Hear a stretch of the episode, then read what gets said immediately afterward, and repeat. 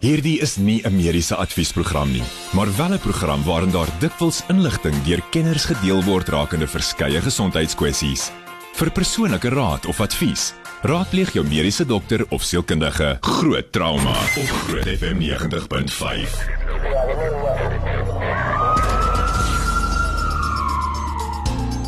Dis lekker dat jy eers dis groot trauma. Ek is Pieter Kloete saam met dokter Jaco van die kerk, soos altyd en um, hy het sy praktyk daar in Pretoria Noord en hy is ook die direkteur van die trauma eenheid by Med24 ook daar in Montana en wel onbekend regoor Pretoria en Gauteng.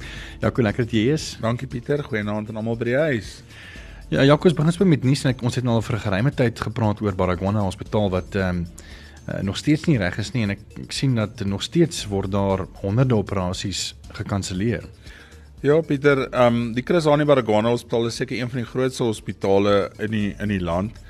En sedert Januarie is daar 870 operasies al gekanselleer weens verskeie redes onder meer oorbesprekings. Nou dis dis 'n baie debatteerbare vraag want ons almal wat in medisyne is in privaat praktyk was deur die staatsstelsel en ons weet die teaters werk net van 8 tot 4 en daar moet dan nou natuurlik nou nog tee tyd en uh ete ook wees. So aan die einde van die dag, as jy groot operasies doen, kan jy nie meer as 1 of 2 dag doen nie. Um kleiner operasies dalk bietjie meer. So oorbesprekings is vir my 'n debatteerbare ding want hoe harder jy werk, hoe meer kan jy doen en ek dink oorbesprekings is nie 'n goeie 'n goeie rede nie. Die ander is probleme met gereedskap. Um uit die aard van die saak toerusting en en proteses um onderhoudsprobleme en dan 'n simpel ding soos 'n tekort aan skoon linne. Jy weet dit is dis verskriklik. En dan sê hulle daar ook in 'n vraag van die um van uh, in die parlement het die LER gesê dis as gevolg van stikkende wasmasjiene. Um ek ek kan nie dink dat dit dat dit in die jaar 2022 nog 'n rede kan wees vir 'n uh, operasie wat gekanselleer word nie. Die chirurge raak gefrustreerd. Um want hulle kan nie voortgaan met hulle operasies nie en dit oor hulle net tekort. Um die opleiding van chirurge lei daaronder. Um omdat dit 'n opleidingshospitaal is, hoe meer jy opereer, hoe beter word jy en hoe meer jy opereer, hoe beter is jou opleiding. Maar as jy 870 operasies gemis het in 6 maande, dan uit die aard van die saak gaan jy gefrustreerd wees as jy 'n chirurgiese persoonlikheid het. Net so aardige mense om daal ek meen jy weet nou in die privaat sektor is hmm. en en ook help met ehm um, met nie vervangings nie. Hmm. Maar ek meen hoe, hoe, hoe werk jy ook net van 8 tot 5? nee, inteendeel, jy weet maandag wat nou verby is, het ons drie knievervangings, 'n uh, knie ander knieoperasie en 'n en 'n bobeen operasie gedoen en ons 8:00 die oggend begin en ons is na 10:00 eers die aand uit. Môre is ek weer in teater en ons begin 7:00 en ons 9 gevalle. Sjoe. Wat redelike groot prosedures is, so ons gaan weer laat klaar maak. So nee, ek dink in privaat praktyk werk jy tot die werk klaar is en jy doen so optimaal as moontlik en werk so optimaal as moontlik met jou tyd. So ek dink tydbesteding is 'n groot groot probleem. Um dit is dis dis een van die dinge wat ek dink maak dat oor um bespreking van gevalle wat die staat noem as 'n as 'n rede is nie 'n goeie rede nie. Jy weet, um aan die einde van die dag as mens dink aan aan iets soos knie en heupvervangings, as jy nou in die staatshospitale gaan kyk, is jou wagtyd 6 jaar plus. Sure. Ehm um, en en as jy dit vir iemand in privaat praktyk sê, gaan hy vir 'n ander chirurg kry, kan jy dit beloof. Ehm um, die die ander ding wat die staat gesê het in terme van hierdie hierdie kansellasies is dat hulle 20 miljoen rand gaan bestee aan nuwe infrastruktuur om dan die probleem van 'n tekort van skoon linne op te los. Nou die probleem is wat 'n mens daarmee het is hoekom wag jy totdat daar 20 miljoen rand se wasmasjiene daarmee heen is um voordat jy besluit en iemand jou vra daaroor voordat jy besluit jy gaan gewone lakens kan was. Um dit is dis regtig absurd. Net net ek dink nie mense kan eers daar daaroor redeneer nie. Ag dan se tikkie goeie nuus. Ek dink ons moet dit maar weet. Eers slegte nuus en dan goeie nuus, nou weer goeie slegte nuus en dan goeie nuus. Uh dis ook nou weer eerste vir Afrika Hospitaal wat uh, robotika vir borskas operasies ehm um, gedoen het nou vir vir my en vir jou wat nou al hieroor gesels het is dit nie nuut dat uh tegnologie ingespan word vir goed nie maar hierdie is nou die eerste vir 'n borskas operasie. Ja, vir kardiotorakale chirurge het ook nou deel geword van die hele ehm um, chirurgiese groepe wat wat robotika gebruik vir chirurgie. Die Da Vinci robotiese chirurgiese stelsel is dan nou die laaste week in die Netcare Chris uh Christian Barnard Hospitaal in die Kaap ehm um, gebruik en dit is om 'n pasiënt 'n uh, 33-jarige man sy eerste rib te verwyder met minimale indringende chirurgie. Die pasiënt het begin um en presenteer met dan pyn in sy arm uh, en in sy skouer en dan later ook swakheid in sy arm. Um en dit is dan nou later gediagnoseer dat hy torikale uitgangssindroom het wat beteken dat die bloedvate en die senuwees tussen die sleutelbeen en die eerste rib vasdruk. So die die terapie daarvoor is eintlik om die eerste rib te verwyder. Nou die ou klassieke operasie is om heeltemal die bors oop te sny, kan die um borsbeen um oopmaak en dan daai eerste rib verwyder. So 'n redelike indringende operasie en die mense is lank buite aksie gewees. Hierdie persoon is dan met minimale indringende chirurgie en dan die robotiese stelsel um geopereer en hy's die volgende dag ontslaan en hy's sure. klaar besig om weer voor sy rekenaar te sit en te kan werk. So ek dink die groot voordeel van die robotiese stelsels is dat jy minimale indringende chirurgie kan doen en dat die persoon wat jy opereer baie vinniger weer volledig funksioneel kan wees en by die werk kan uitkom. Ons is net hier na weer terugbly geskakel. Groot trauma met Pieter Kloete en dokter Jaco van die Kerk op Groot FM 90.5.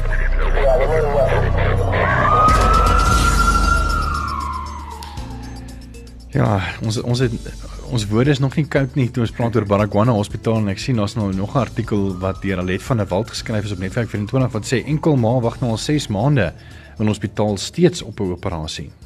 Ja, dit is 'n uh, enkel ma en 'n weduwee van Parys in die Vrystaat wat ehm um, raak gery is deur 'n persoon op haar bromponie 6 maande gelede, ehm um, eintlik 13 om presies te wees 13 Desember. En ehm um, sy is toe opgeneem in die Parys Hospitaal met 'n patella of 'n knieskyffraktuur as ook 'n femur nek fraktuur wat eintlik deel is van die bobeen hier by die heup en uit die aard van die saak Parys Hospitaal of Parys is 'n klein dorpie so Parys Hospitaal kan nie daai groot operasies hanteer nie mens het maar ortopeed nodig en dan 2 maande na hierdie um op of na hierdie besering is sy oorgeplaas na die Boitumelo Hospitaal in Kroonstad toe. Daar het hulle haar probeer opereer, maar hulle het die operasie gestaak weens verskeie redes waarvan een is wat hulle as rede gee dat hulle nie 'n protese beskikbaar het wat groot genoeg is vir haar nie. Nou, jy weet, um jy moet eers beplan voordat jy iemand gaan gaan oopsny dink ek. Mm. Um ek dink mense moet ook weet wat se toerusting jy het en wat jy nie het nie, wat se proteses jy het en nie het nie. Um die ander probleem is die chirurge het gesê toe hulle nou opereer was daar reeds 'n vorm van beenhegting of beengroei. Nou dit is 'n gegewe, jy weet as jy 'n lang been opereer of 'n lang been breek, is daar groot komplikasies wat jou kan tref. Um jy kan vetembolisme kry, met ander woorde daar kan vet in die bloed uh, basies versprei. Dit kan in die longe gaan sit en 'n mens kan sukkel met asemhaling of jy kan asemhalingsprobleme kry. Maar jou been gaan ook begin probeer reg. Jou liggaam sal altyd probeer herstel. Uit die aard van die saak met 'n bobeen, veral daar waar sy gebreek het, kan dit nie gebeur nie. En as mens begin beenkalles of nuwe beenvorming het, um 'n beenkallesformasie het, dan gaan mens sukkel met 'n operasie. Ehm um, daai operasies is regtig baie baie moeilik dan. Toe het hulle op 'n stadium besluit nee, alraai, hierdie operasie is nou te moeilik vir Boitumelo Hospitaal, hulle wil haar universitas toe oor oorplaas. Maar Universitas in Bloemfontein wou haar toe nou nie aanvaar nie omdat sy reeds van tevore geopereer is. En dit kan 'n mens verstaan, jy weet, as jy iemand gaan opereer, dan vat jy verantwoordelikheid vir daai persoon. Hmm. As jy gaan lees wat wat in die artikel geskryf staan, sal hulle ook sê die wond het infeksie gekry. So jy kan nie 'n protese gaan insit in 'n area waar daar infeksie is nie, want dan gaan daai protese ook infeksie kry.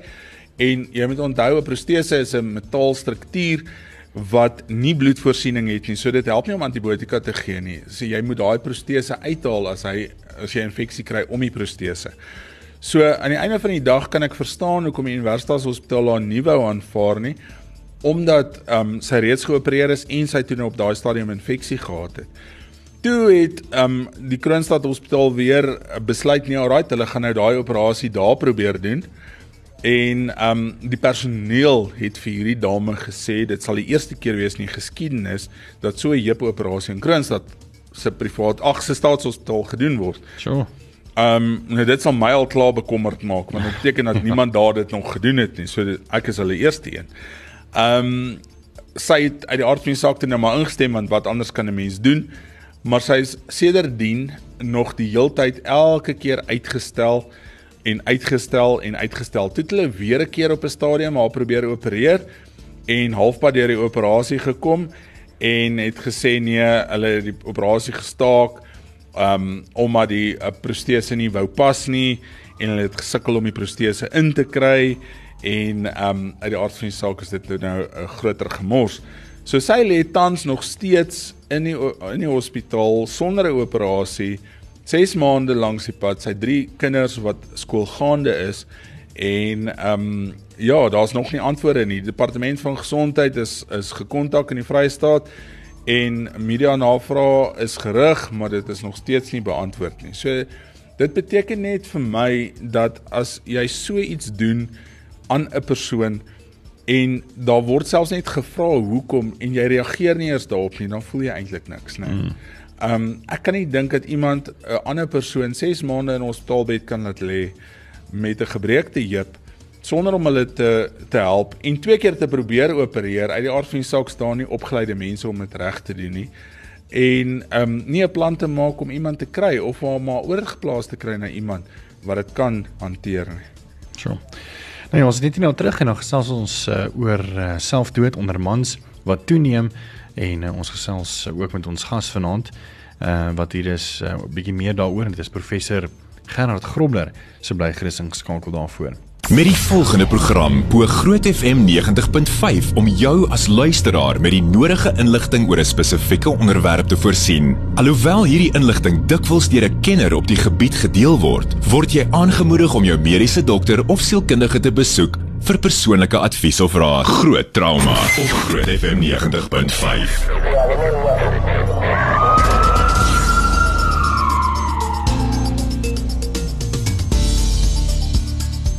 Saam met ons in die ateljee is professor Gerard Grobler en hy is aan die Universiteit van Pretoria en ook 'n psigiater. Baie welkom weer eens. Ek dink ons het in in ehm um, in lockdown met u ook gesels.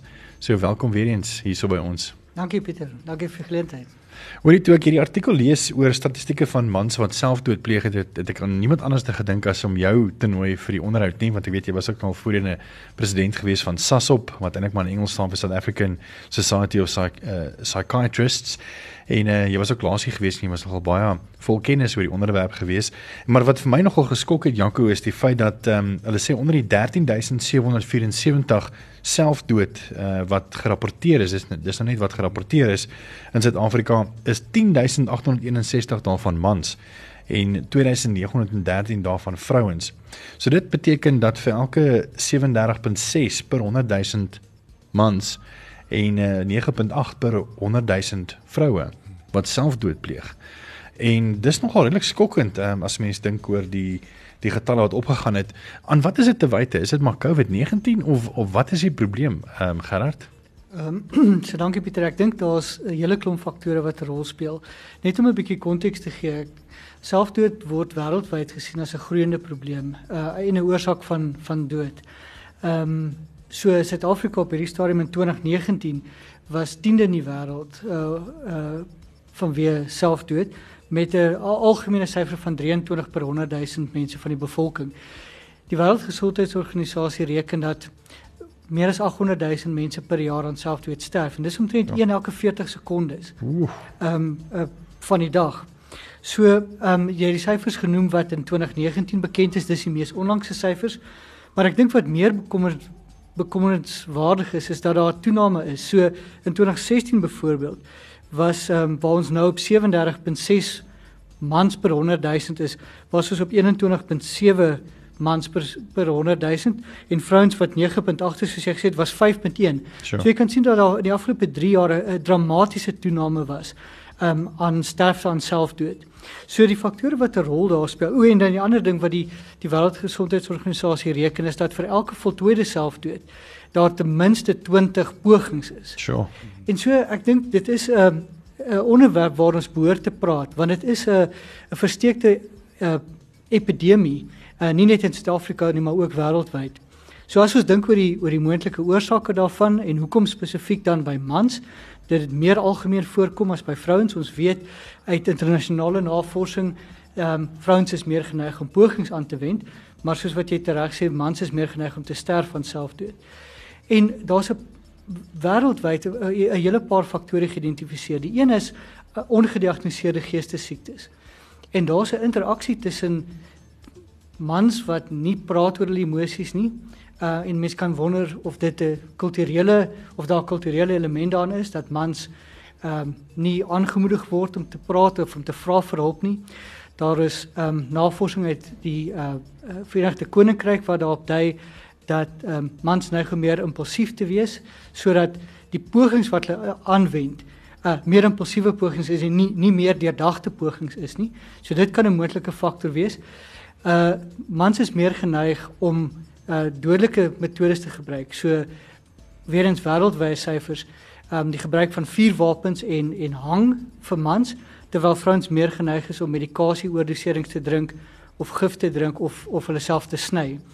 En dan die ander ehm um, uh faktor wat wat rol kan speel um, in daardie in daardie opsig is die toeganklikheid tot vuurwapens. Mans is meer geneig om toegang te hê tot wapens as wat as wat vrouens het.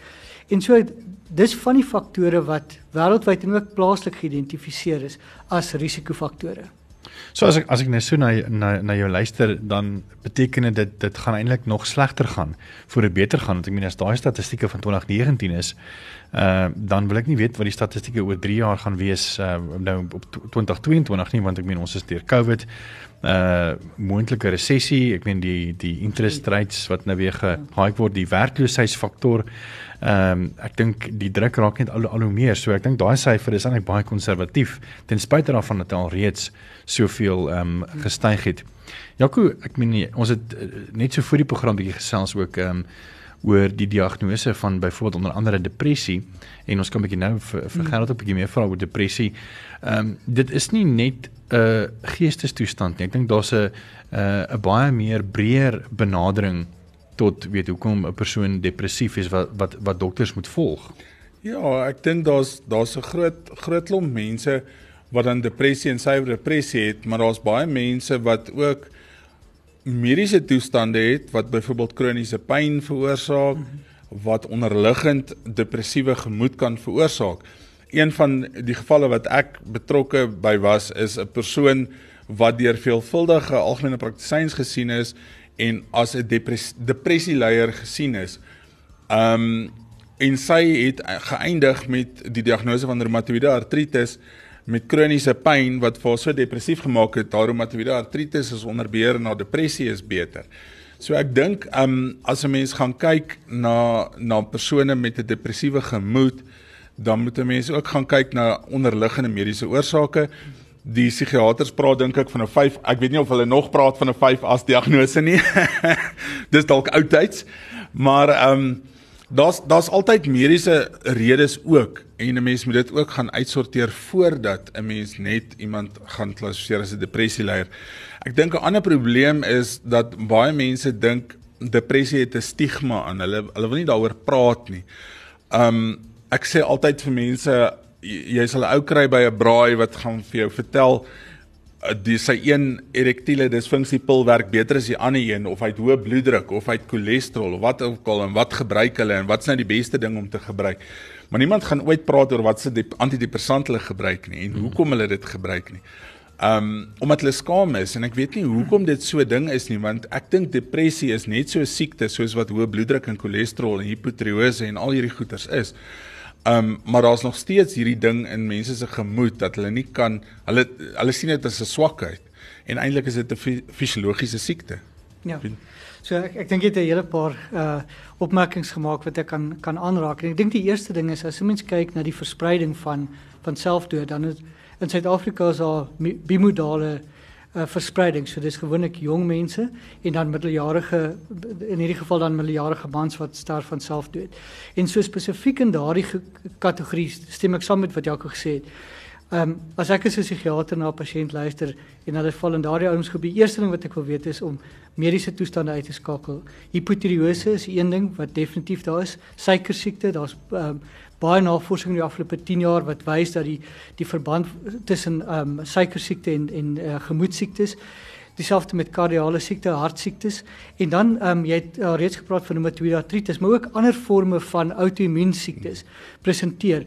En outoimmuun siektes is juist die een ding wat wat eintlik 'n double whammy is, want die behandeling vir outoimmuun siektes, as jy pasiënte hoë dosering steroïde gee, kan ook vir hulle gemoedsiektes gee. So dis nie net die siekte self nie, maar ook die behandeling van die siekte. En daarmee saam kan jy dink aan goed soos asma, jy kan dink aan ehm um, aan seker ook eh, ehm uh, um, dyslipidemia wat ehm um, met gemoedsiektes ge geassosieer kan word en die behandelings kan kan die kan inmeng met die behandeling vir gemoedsiektes en kan dit um, vererger. Ehm um, en dan natuurlik substansgebruik.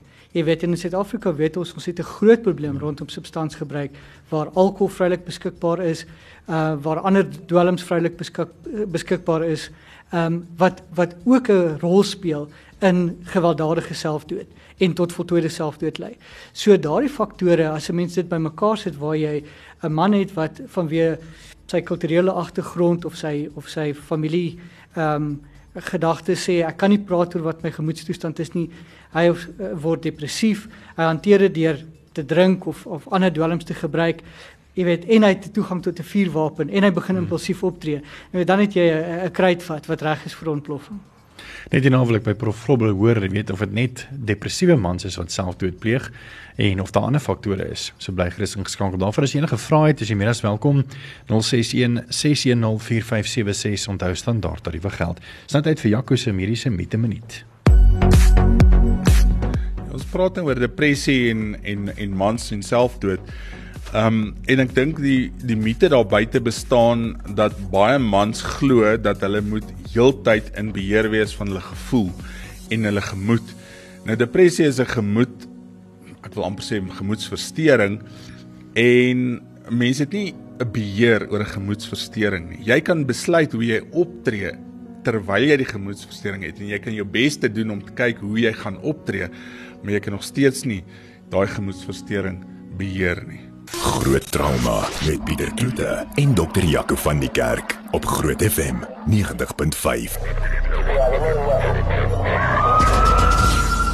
Ons het dan lekker van die lug af gesels oor al die redes hoekom hoekom selfdood dalk meer word in die laaste 2-3 jaar. Um en COVID-19 het obviously 'n 'n groot invloed ge, ge, gehad op hierdie hele ding maar ook dink ek het medisyne dalk bygedra tot dit. Um in terme van die behandeling van COVID het ons het ons baie hoë dosisse kortison elke dag vir langtermyn vir mense gegee. Um is dit 'n rede vir die depressie? Dis die een ding en die ander ding is hierdie persone wat lank in ICU gelê het wat posttraumatiese stresversteuring simptome het en angs onderliggend het. En dan ook die familielede van mense wat wat wat hulle verloor het in ICU wat hulle nooit kon gesien het en gaan groet het nie. Daai afskeid kon nooit plaasvind nie. Mm. Ehm um, wat is die effek? sien sien julle dit in die praktyk? Ja. So baie goeie vrae en en kommentaar ehm um, Dr. Jaco. Ek dink die uh, daar's sover my kennis trek nog nie Suid-Afrikaanse data rondom hierdie of uh, veel data nie. Ons het wel internasionale data en en dis ongetwyfeld dat die isolasie wat mense ervaar het bygedra het tot veral hulle hopeloosheid. En ek dink dit is belangrik om uh, vir ons luisteraars te sê dat hopeloosheid is 'n een groot risikofaktor vir voltooide selfdood. Ehm um, ons weet uit navorsing dat daar ehm, 'n um, familieneiging is dat familiegeskiedenis kan 'n rol speel. Verskoon my. Gemoedversteurings uh, en ander psigiatriese toestande. So ek is baie bly het gepraat van die angstigheid want Ek sê altyd vir my studente dat depressie met angs is 'n dodelike kombinasie en ons moenie angs onderskat as 'n drywer van van selfdoodrisiko nie. Ehm um, en dan uh, daarbey ander geestesiektes soos skizofrenie met psigotiese simptome of substansgeassosieerde psigose ehm um, is ook drywers vir vir selfdood. Ehm um, en dan daarmee saam isolasie en ek dink dit is wat COVID tot 'n groot mate gedoen het. Dit het mense afgesny van van hulle ondersteuning, van hulle hulpbronne Ehm um, mense het hulle werke verloor, hulle het in finansiële moeilikheid beland en dan het mense begin hulpeloos uh, hopeloos raak. Wat hulle voel, maar jy weet wanneer gaan hierdie ding ophou? Wanneer gaan ons teruggaan na normaal toe? Wanneer kan ons teruggaan na ons werke toe? Wanneer kan ons weer ons familie sien? Soos wat jy noem, ons het familielede verloor wat ons nie by kon uitkom nie want want ons was in afsondering geweest. Ehm um, en dan is daar hopeloosheid wat opbou en dit dryf dan voltooi dit self dood. En as jy boop dit dan 'n man is en jy is veronderstel om na jou familie te kan omsien, jy moet finansiëel na hulle kan kyk, jy kan dit nie meer doen nie. Weet waar hoe gaan julle oorleef? Jy hanteer jou angstigheid deur te drink of om ander dwelms te gebruik om beter te kan voel. Jy weet dan dan is ou weer op daai punt waar jy 'n baie gevaarlike situasie het. Weet gewoonlik as mense in die nuusartikels lees van persone wat dan selfdood gepleeg het, uh, weet jy of nou jong mense is of of ouer ouer persone, dan is meeste van die gevalle waar die die joernalis dan ook sê van familielede wat dan net gesê het oor die mens het niks agtergekom nie. Ons het nie mm. geweet daar's enige probleme nie. Hoe kan 'n mens dit oorbrug? Hoe kan 'n mens die kommunikasie tussen man en vrou ehm um, meer oopmaak om met mekaar te kan kommunikeer oor hierdie goeters? Veral as 'n man nie eintlik regtig oor mense oor sy gevoelens praat nie. Ja, ek dink dit is baie moeilik en dit is hoekom ek dink selfdood ehm um, 'n verborgde pandemie bly. Ehm um, omdat dit moeilik is vir mense om daar te praat en en so ons sal op 'n manier 'n kulturele skuif moet kan maak waar dit meer aanvaarbaar is vir mans. En ek dink pro programme soos hierdie en ek het dit laas ook vir jou gesê, weet dit hier is baie nuttig om die gesprek te begin, maar dis net die begin van 'n gesprek. So mense gaan moet ontvanklik wees daarvoor. En ek dink dis vir vir families soms baie moeilik om oop te maak hieroor. Jy weet, dit is dis vir mans baie moeilik om vir hulle hulle eggenotes of hulle partners of hulle ondersteuningsgroep te kan sê luister ek sukkel ek ek, ek ek ek sien nie kans vir hierdie goed nie ek kom nie reg nie. Ehm um, so ek dink dat ehm um, mans onder mekaar meer sensitief moet wees. Jaco het gepraat hmm. van die van die braaivleisvuur. Hmm. Jy weet en ek ek dink ons doen dit te min dat ons vir mekaar openlik sonder sonder om ligsinnig te wees of of sonder om mense te wil uh jy weet 'n uh, bietjie terg of so te vra hoe gaan dit regtig met jou? Hoe weet um, en dis die braaivleisvuur is miskien nie die beste plek om dit te doen maar, maar om 'n geleentheid te skep om om by 'n pel te gaan sit en te sê luister kyk my ou en sê hoe gaan dit met jou? Weet waarmee het jy hulp nodig? Um, en ontvanklik te wees vir dit. En ek dink baie mans sukkel om dit te doen. Hmm. hulle voel nie bekwam om daai gesprek met 'n pel te kan hê nie. Hulle voel nie bekwam om vir iemand te kan sê luister ek kry ek kry swaar en ek het hulp nodig nie.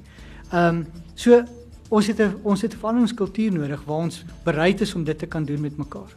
Ek moet sê, um, ek weet Joe Black met sy nuwe enkelsnit ehm um, wat hy vrygestel het vegter uh en net voor sy album met die met dieselfde titel het hy nogal uh ook 'n video gemaak van waar hy ook weet mans beamoen om te sê hoe die ouens ons moet 'n bietjie met mekaar praat van hoe gaan dit met jou? En ek wonder of mense nie maar weet 'n veldtog moet van stapel stuur nie, weet om weet uh, jou buddies, jy weet ten minste een keer 'n maand bietjie gaan touch base koffie uh en hoor hoe gaan dit regtig, jy weet. En mense daai kultuur kweek onder vriende, want dis wat ware vriende doen. Ja, ja ek wil ek wil eintlik nou op 'n heel ander punt vra. Ons het nou gepraat net van mans, maar wat van van tienerseuns en dogters? Um ek het nou die dag 'n geval gehad in die trauma eenheid of sy nou rukkie terug waar 'n 13-jarige met seun met sy ma 'n argument gehad het en opgegaan het kamer toe om probeer hang het aan sy aan sy gordel. Uh, uit die aard van saak gordel gelukkig gebreek en sodoende by my uitgekom maar nou sit jy met 'n 13-jarige wat nêrens eintlik opgeneem kan word nê nee. ja. dit is 'n dis 'n groot probleem. Dis die een kant is as as jy nie 'n volwassene is nie sukkel jy om iemand opgeneem te ja, kry. ja, en dan die tweede ding is um die beskikbaarheid van van beddens en en opname fasiliteit vir psigiatriese pasiënte is ongelooflik moeilik om te kry. Absoluut. Baie keer uit 'n trauma trauma opset, um bel jy en jy jy jy kom op 'n waglys. Jy sit met daai ou wat nou 'n poging gehad het. Hmm. Um wat maak jy met daai ou? Jy kan hom nie opneem in 'n in 'n gewone hospitaal nie, want die hospitale is nie uh, het nie eintlik die fasiliteit om hom te hanteer nie. Hy het ook nie die personeel om hom te kan hanteer nie, maar daar's ook nie 'n ander fasiliteit nie. Ja. Uh, miskien is dit tyd vir 'n advertensiebreek. Ek het nie antwoord vir nie. Hier hier is 'n groot probleem. Mm, en ja. en jy slaan die spyker op die kop en ehm um, dit dis 'n wesenlike probleem net in in uh, in Pretoria en Gauteng nie, maar mm. maar landwyd dat daar net bloot te min plekke vir uh, en die 13 tot 15 jariges is juist die dis juist die groep waar ons sukkel. So ehm um, dit is baie moeilik en ek dink ons ehm um, ten minste waar ek werk probeer raap en skraap en so goed as moontlik mense help. Ehm um, maar maar dit is nie ongekompliseerd nie. Dit is nogal interessant. Ek weet hoekom het hospitale, ek mens as hulle nou 'n trauma eenheid het, nie ook maar net 'n uh, want ek meen mense men sien dat dat uh, daar's meer mense wat wat met geestesgesondheid sukkel. Uh ek weet nie ek weet nie die groot maatskappye Um, ja, ek dink ek dink daar's 'n tekort aan psigiaters ook om hulle te kan hanteer. Daar's 'n groot tekort aan psigiaters, veral kinderpsigiaters mm. in in die land. Maar ek die die kompleksiteit is dat dit 'n um, gereguleerde spasie is. So jy jy kan nie net enige hospitaalbed mm. gebruik nie. Dit moet voldoen aan sekere vereistes mm. wat geskik is vir, uh, volgens die die geestesgesondheidsorgwet en die regulasies. Daar's medies geregtelike risiko's rondom uh net net toestemming. Jy weet, mm. so 'n 13-jarige is is op daai punt waar dit mm. regtig moeilik is. Sê net die die kind weier toestemming en die ouers stem toe. Mm. Daar is wetlike vereistes rondom rondom toestemming wat ou moet aan gehoor gee. So hierdie is 'n uh, 'n uh, nie 'n ongekompliseerde probleem om op te ja. los nie. Dis uh, prof um, Gerard uh, Grobler en ons het 'n bietjie gesels oor ehm um, die soundtoot onder mans wat toegeneem het en jy kan hierdie pot gooi sommer weer luister so teen Vrydag se kant op ons webblad en deel hom sommer met jou vriende en familie laat almal 'n bietjie die boodskap kan hoor. En ehm um, hy is ook van die Universiteit van Pretoria, is psigiater daarso. Dankie eh uh, professor. Baie dankie vir die geleentheid. Ek dink mense moet seker maar net afsluit om te sê weet as mense nou geluister het en hulle wil graag weet waar hulle waar kan hulle gaan gaan aanklop vir hulp? Ek meen ons het nou gepraat oor weet hoe en wat, maar weet waar kan mense nou gaan aanklop vir hulp? So, ehm um, ek ek moet uh, Sasop noem hierso en Sasop se webtuiste het skakels, daar's inligting op die webtuiste en dan ook SADAG in hierdie verband is South African Depression Anxiety Group en ek is seker julle kan die skakels, die telefoonnommer en die uh, e-pos skakels. Ek het 'n uh, selfdood hulplyn ehm uh, wat mense kan skakel en en ek sal aanmoedig dat ehm um, jou luisteraars as hulle die, die behoefte het dat hulle in kontak tree met of SASOP of SADAG en dan hulle plaaslike gesondheids ehm um, verskaffer, gesondheidsorgverskaffer en ek dink ons moenie die rol van algemene praktisyns in noodgevalle eenhede onderskat nie. Ehm um, hulle lewer ehm um, uitstekende diens vir pasiënte wat in 'n nood verkeer en wat 'n toegangspoort uh, nodig het uh, tot mediese dienste, ook vir psigiatriese noodgevalle. So as dit nodig is, gaan asseblief dan na die naaste noodgevalle eenheid toe. Ehm um, daar is netwerke waar uh, algemene praktisyns aan psigiaters en sielkundiges ehm um, verbind is hmm. en so ehm um, dit is 'n toegangspoort, maar op die op die webtuiste SASOP of SADAG Weer eens baie dankie vir die tyd. Dit is altyd lekker om met u te gesels. Net ons moet weer gerus um, spoedig so 'n bietjie later in die jaar weer doen. Dink ons doen sommer gou vinnig uh, vra vir Jaco want ek sien ons het nie baie tyd oor nie. Ons het nou letterlik nog so 'n paar sekondes oor. Ehm um, ek dink meeste daar's nou ongelukkig van die stemnotas wat ons nou nie kans gekry het om na om na te luister nie.